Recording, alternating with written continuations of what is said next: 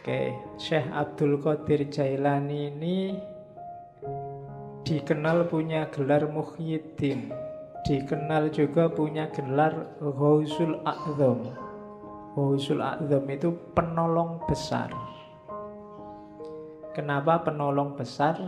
Ya karena ajaran-ajarannya membuat kita sadar terus selamat di akhirat. Akhirat itu kan urusan besar.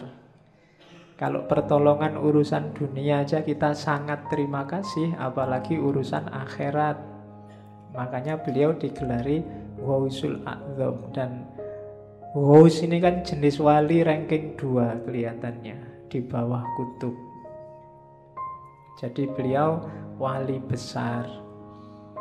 Nanti ada cerita seorang sufi hampir dua abad sebelum Syekh Abdul Qadir Jailani yang sudah meramalkan bahwa besok ada wali namanya Abdul Qadir yang lebih besar dari hampir semua wali.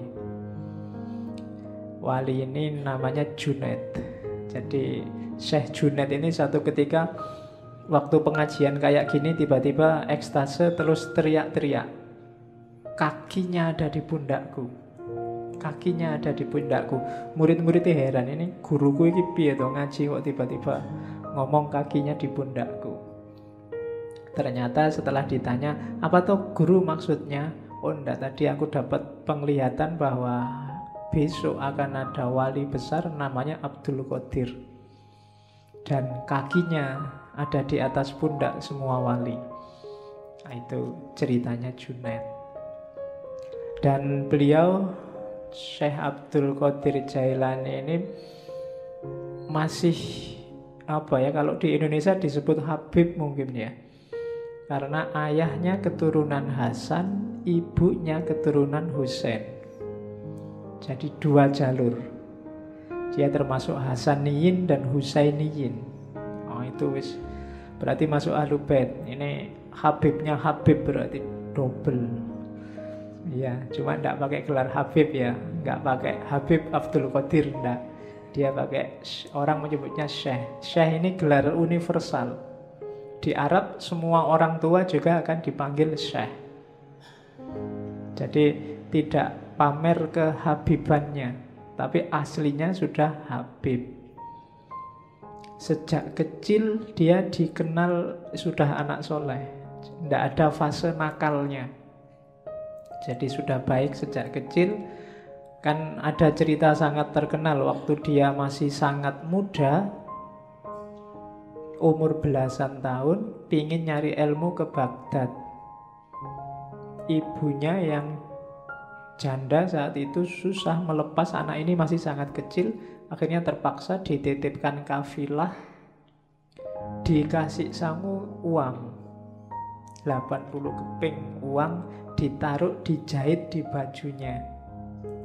Pesannya ibunya, sudahlah kamu berangkatlah cari ilmu, syaratnya satu, jangan bohong. Pada siapa pun tentang apa pun. Dan di tengah jalan ternyata dirampok kafilah ini. Semua barang-barangnya diambil. Tidak ada yang nganggep si Abdul Qadir ini sampai kemudian ada perampok yang tanya, "Kamu punya harta apa?" Masih kecil.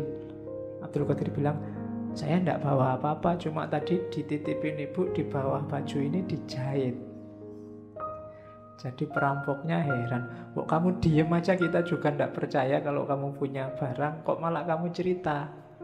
Katanya Syekh Abdul Qadir Jailani muda, loh ibu saya pesennya nggak boleh bohong. Dan gara-gara ini kabarnya terus perampokannya nggak jadi, perampoknya tobat. Iya. Jadi itu yang saya sebut jalur hidayah itu dari mana saja maka orang yo nyari hidayah dari macam-macam. Jangan disalah-salahkan. Kalau amal itu amal kebaikan. Lu kan amal kebaikan yang lain banyak. Lah iya jalurnya banyak. Ya yang yang lain juga dilakukan macam-macam. Nanti dari salah satunya mungkin akan datang hidayahnya Allah. Nanti Syekh Abdul Qadir ini ada cerita waktu di Baghdad pingin daftar ke universitasnya Ghazali, Madrasah Nizamiyah. Tapi nggak diterima. Ya mungkin ya kayak kalian mungkin ngelamar di kampus mana, UGM apa mana terus ditolak. Nggak apa-apa, nggak usah galau. Si Abdul Qadir Jailani juga nggak diterima kok awalnya.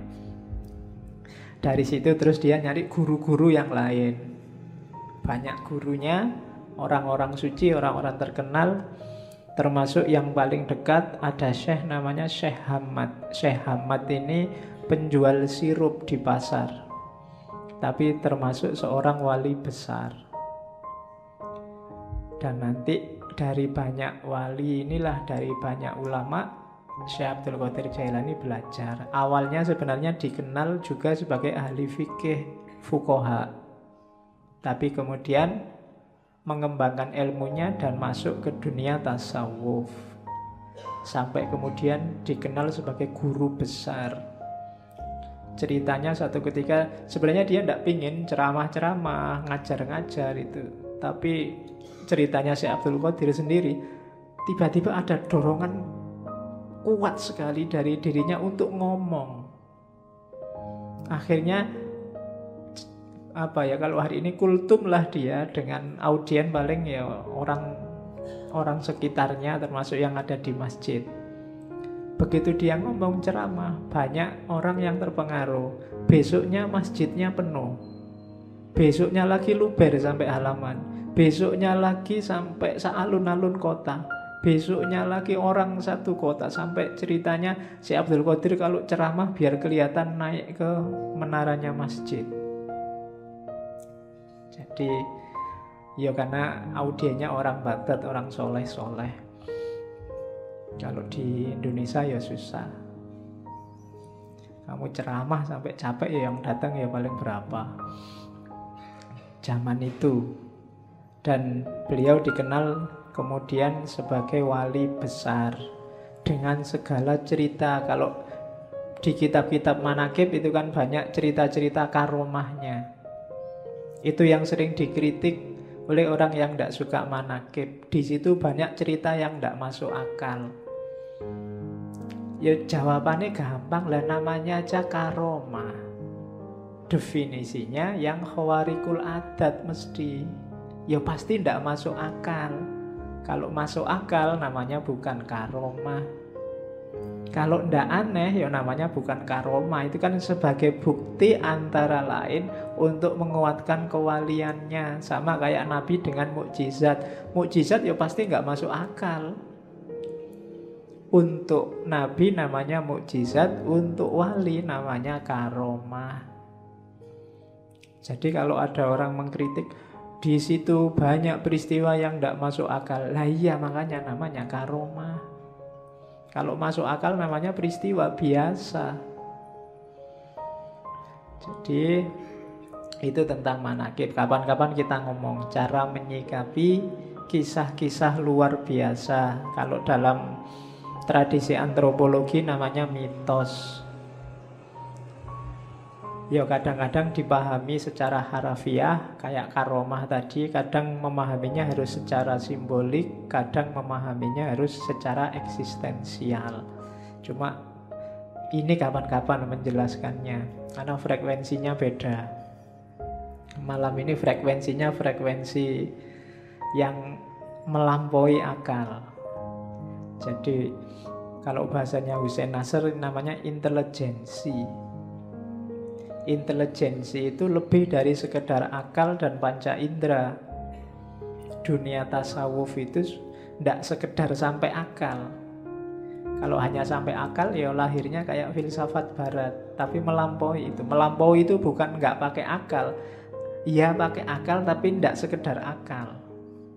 Alatnya tidak cuma akal, intuisi juga main, insting juga main, naluri juga main teks juga main, nas juga main. Jadi lebih kompleks. Itu yang terjadi di dunia tasawuf. Kalau dunia fikih fokusnya hanya teks. Kalau dunia filsafat fokusnya kebanyakan akal. Tapi di tasawuf semua dipakai. Itu yang bikin tasawuf agak rumit kalau dikaji. Oke, saya Abdul Qadir Jailani ini sebenarnya hobinya memang ilmu dan suluk. Cuma karena mengikuti sunnah Rasul ya beliau nikah juga. Nikahnya umur 51 tahun. Ya. Cuma nikah umur 51 nanti beliau meninggalnya umur 90. Nikah umur 51 istrinya langsung 4. Iyalah, lo kan levelnya wali mesti banyak yang mau lah nikahnya 4 dan nanti beliau punya anak 49. 20 laki-laki dan sisanya perempuan.